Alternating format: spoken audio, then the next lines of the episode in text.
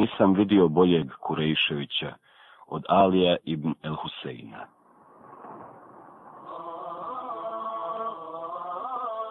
Ovo je priča o Zeynul Abidin.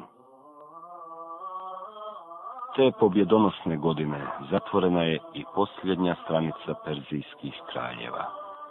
Posljednji perzijski kralj, Jezdrđrid, umro je prognan i ponižen njegovi vojni komandanti zajedno sa vojskom, ličnom gardom i kraljevskom porodicom kao zarobljenici pali su u muslimanske ruke.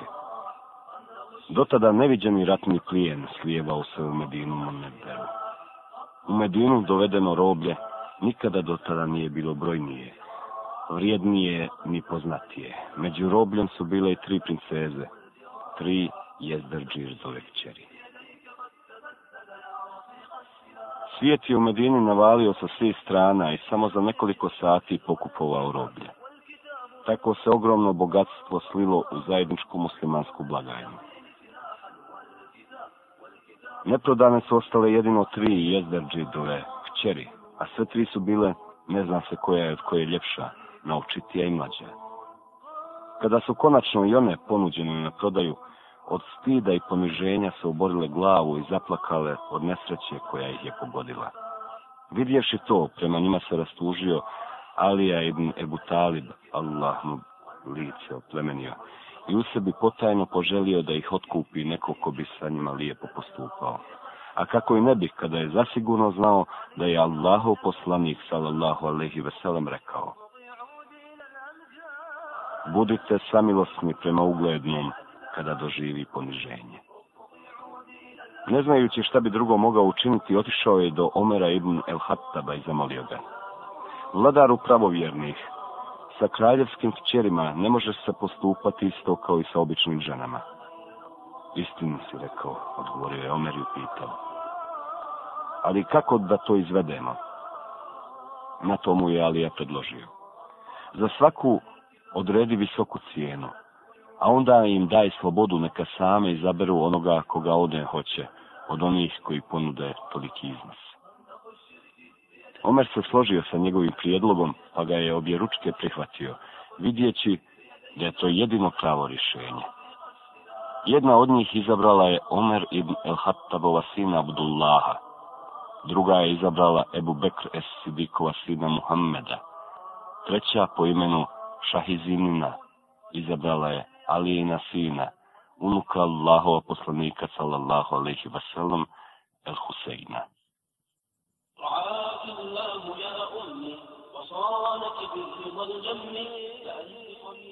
Šahid Zinana je kasnije primila islam i bila dobra muslimanka.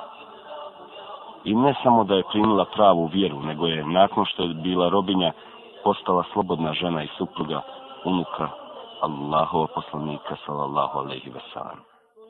Primajući islam, ona je čvrsto odlučila raščistiti sa svim što joj je vezalo sa paganskom prošlošću. Tako je između ostalog i svoje ime Šahizinana, kraljica svih žena, promijenila u Gazala. Nakon što je Gazala kao kraljevska čerka za muža dobila čovjeka kakav se samo poželjeti može, nije joj preostala nikakva druga želja do da mu rodi sina. Uzmišeni Allah ubrzo će joj ispuniti i tu želju, pa će Huseinu roditi lijepa i zdrava dječaka, kome će dati ime Ali, po njegovom djedu, Ali ibn Ebu Talibu radi Allahu anhu. Međutim, gazali na sreće i radost. Biće kratkog vijeka, jer će ubrzo poslije napada groznice u Babinama preseliti se na Ahiret, i odazvati se pozivu svoga gospodara, tako da nije imala priliku živati u odgajanju svoga tek rođenog sina. Brigu o dječaku poslije smrti njegove majke preuzeće jedna sluškinja koja ga je ne samo zavoljela poput rođene majke, već i odgajala kao svoga sina jedinca. Tako je Ali odrastao ne znajući za drugu majku mimo njih čim je Ali ibn el Husein porastao toliko da je mogao učiti, svom svojom ljubavlju i snagom posvetio se stjecanju znanja. Njegova prva škola, i to kakva škola, bila je kuća u kojoj je odrastao, a njegov prvi učitelj, i to kakav učitelj, njegov otac, el Husein ibn Ali. Džamija Allahova poslanika sallallahu alejhi ve sellem u to doba bila je prepuna još živih drugova Allahova poslanika sallallahu alejhi ve sellem i prvog vala generacije najstarijih i najpoznatijih tabina.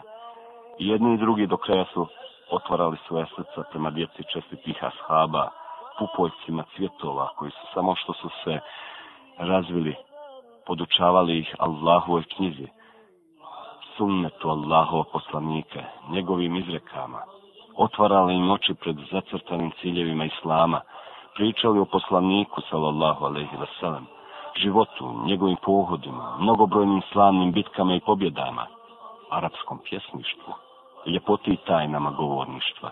I ukratko, njihova srca zadajali svim što pobuđuje i razvija ljubav prema uzvišenom Allahu, strahopoštovanju i bogobojaznosti. Otuda ne treba ni čuditi što su upravo iz te generacije ponikli toliki učenjaci i velikani koji su nosili islam i u njega druge upućivali. Međutim, Ali ibn El Huseinovo srce ni za što drugo nije prionulo kao za proučavanje Allahove Đalšanuhu knjige. Isto tako njegova osjećanja ništa nije diralo i potresalo kao što su Allahu obećanje nagrade i prijetnje kaznu kada bi učeći Kur'an naišao na ajetu kome se govori o džennetu, imao je osjećaj da je dobio krila i da će poletjeti. A kada bi naišao na ajetu kome se govori o džehennemu, bolno bi uzdahnuo, kao da mu džehennemski plamen bjesni u stomaku.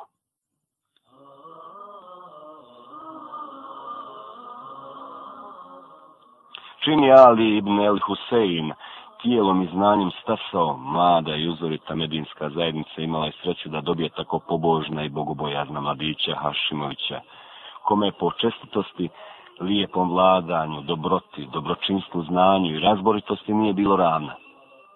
Njegova pobožnost i bogobojaznost bile su toliko snažno naglašene da bi mu, kada bi uzeo abdest i htio stati na namaz, cijelo tijelo spopala groznica. Kada mu je jednom prilikom neko o tome progovorio, rekao je, teško vama. Govorite kao da ne znate pred koga trebam stati i s kim šapatom želim razgovarati.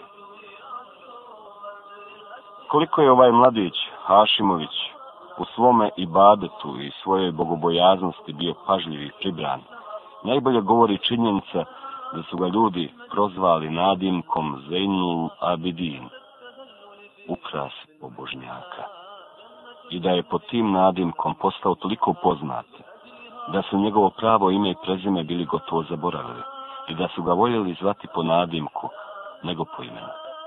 Kada bi klanjao na seđdi bi toliko dugo ostao da su ga medinjani prozvali još jednim manje poznatim nadimkom Eseđad onaj koji dugo ostaje na seđdi. S druge strane, zbog čistoće njegove duše i srca, prozvali su ga i nadimkom Ezeki, čisti od grijeha. Zainul Abidin, neka je Allah sa njim zadovoljan, bio je potpuno svjestan i duboko uvjeren da je smisao i duh ibadeta Hajir Dova. Pripovijeda se da mu je najdraže bilo uhvatiti se za zastor Kabe i onda zamoliti Allaha ono što je htio.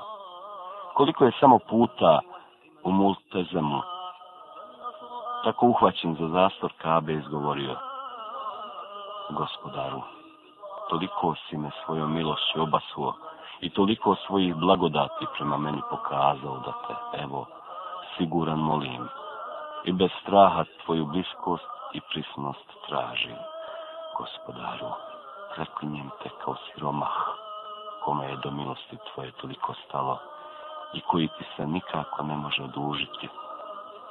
Zato te molim, uslišaj dovu moju. Dovu neznana utopljenika koji se samo u tebe za svoj spas hvata u među plemenitim najplemenitiji. Taus ibn Kejsana Jednom ga je prilikom vidio kako stoji u hladu kabe i uznemireno, kao da se nad smrt nadmio plače i preklinje, kao da je u najvećoj nuždi, pa je zastao i posmatrao ga dok nije prestao plakati moliti, onda mu je prišao i upitao ga. Gledao sam te kako plačeš i moliš Allaha, iako kao potomak Allahova poslanika sallallahu alaihi veselem imaš tri prednosti za koje se nadam da ćete poštediti Davus, a koje su to tri prednosti? Upitao ga je Zenu Labidin, pa mu je odgovorio. Prvo, što si potomak Allahova poslanika, sallallahu alaihi veselam. Zatim šefat tvoga djeda i Allahova milost. Na to mu je on odgovorio. Davus, to što sam potomak Allahova poslanika, sallallahu alaihi veselam, nisam više siguran da će mi biti dovoljna zaštita nakon što sam čuo da je uzvišen i rekao.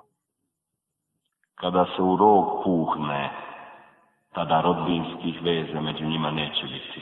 I jedni i druge neće ništa pitati. A što se tiče šefata moga djeda, zar uzvišeni nije rekao. I oni će se samo za onoga kojim on bude zadovoljan zauzimati. I konačno, što se tiče Allahove milosti, pa zar on nije rekao, Milost Allahova blizu je oni koji dobra djela čine.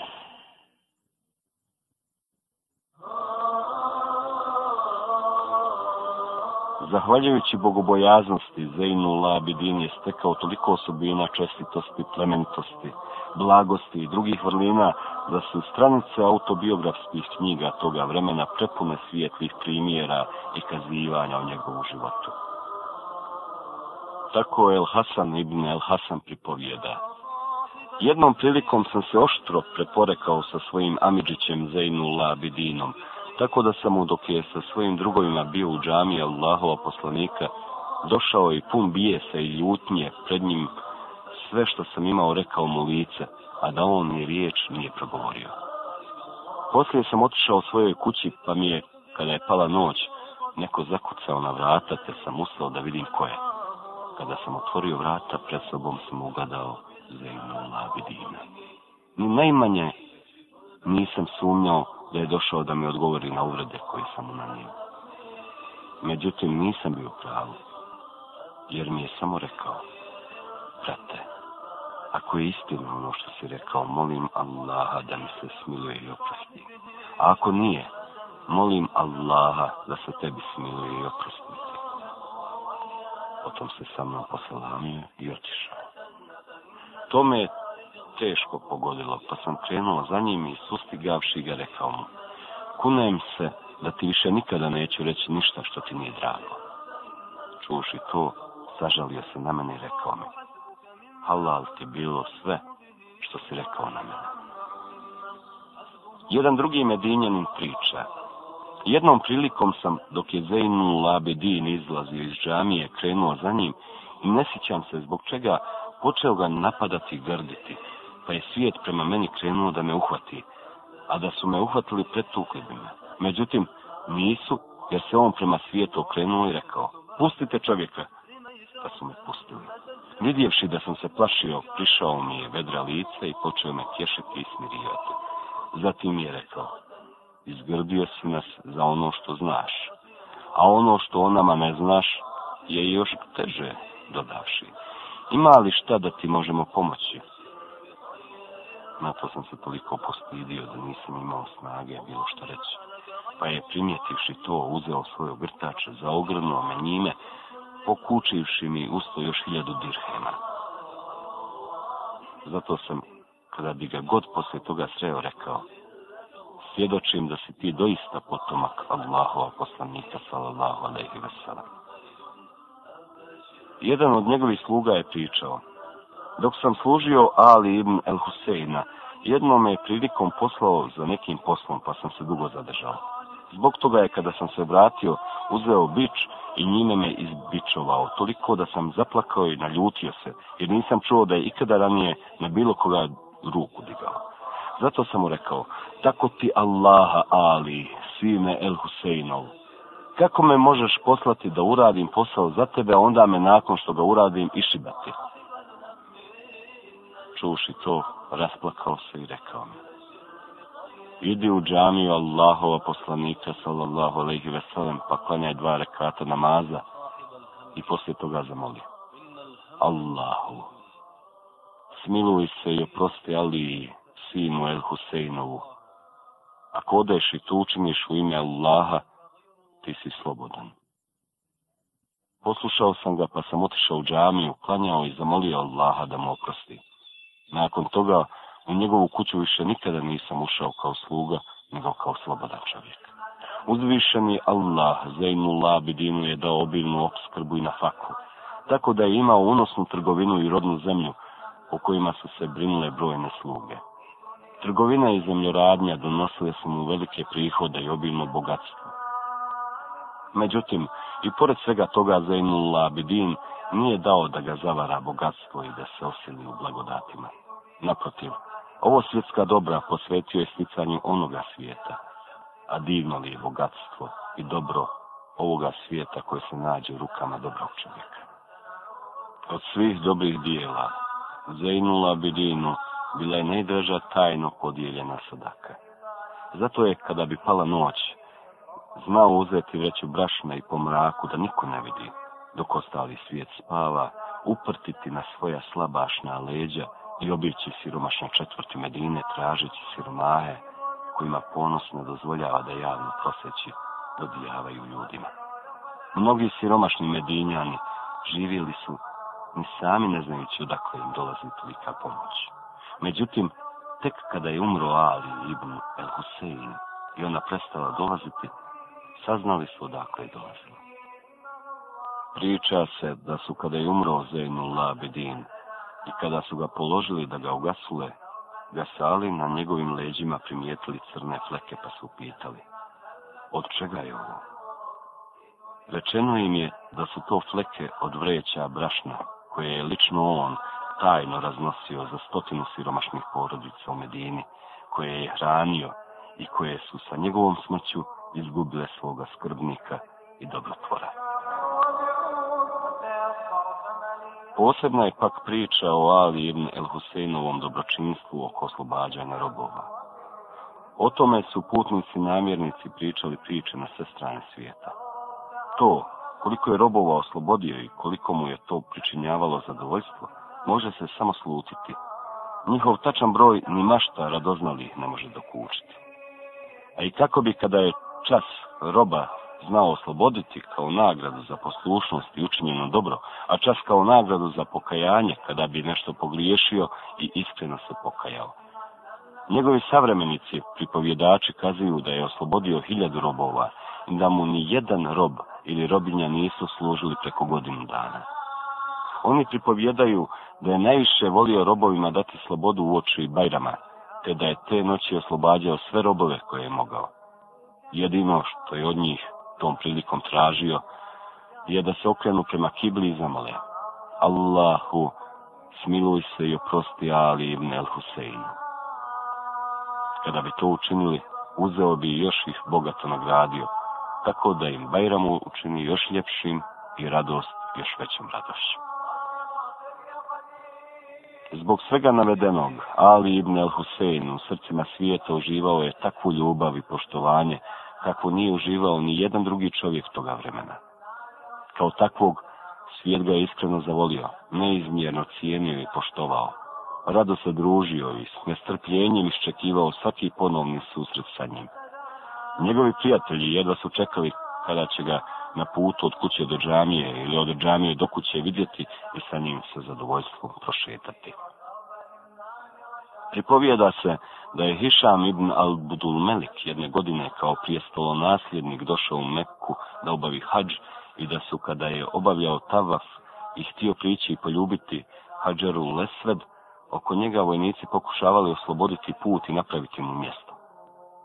Međutim, niko se nije htio skloniti i u gužvima osloboditi put, već su svi govorili. Kaba je Allahova kuća i svi su ljudi Allahovi robovi. Potom su se iz daljine začule riječi. La ilaha illa Allahu, Allahu ekbar.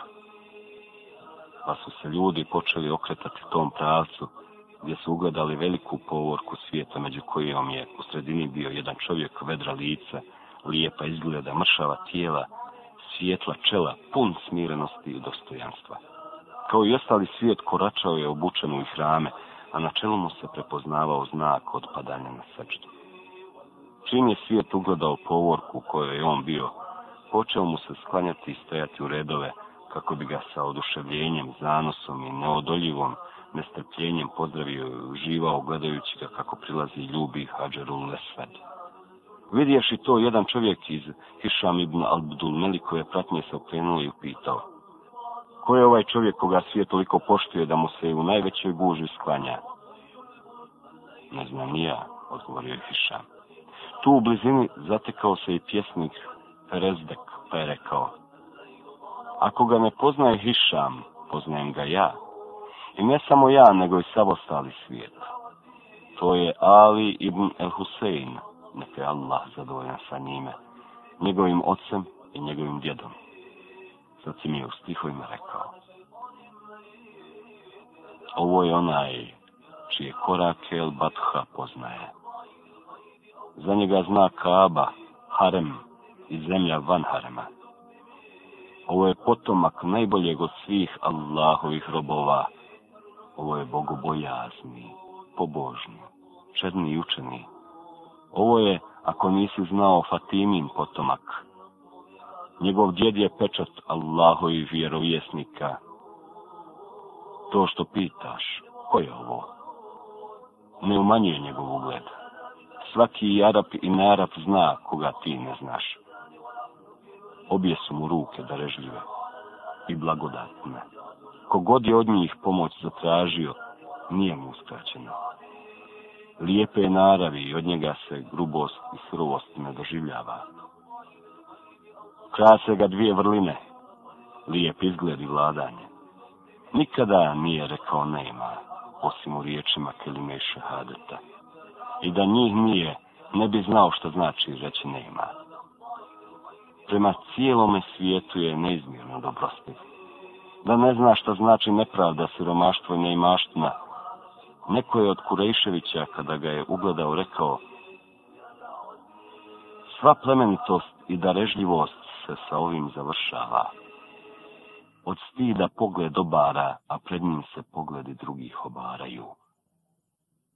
Nikada ne govori, a da sa osmijehom ne govori. U jednoj ruci njegovoj bambus mirisom miriše, u drugoj mudrost blista a nos pravilna oblika. Sve to naslijeđeno od poslanika Allahova, zdrava voćka daje zdrave mladice i zdrave plodove. Neka je Allah zadovoljan sa potomkom poslanika svoga, a i on sa njim zadovoljan. Jer kao poslanikov potomak bio je vanredan primjer čovjeka kako se, kako u javnosti, tako i tajnosti, istinski treba bojati Allaha, i obuzdavati dušu u strahu od Allahove kazne s jedne i u nadi u Allahu nagradu sa druge strane. Sa druge strane.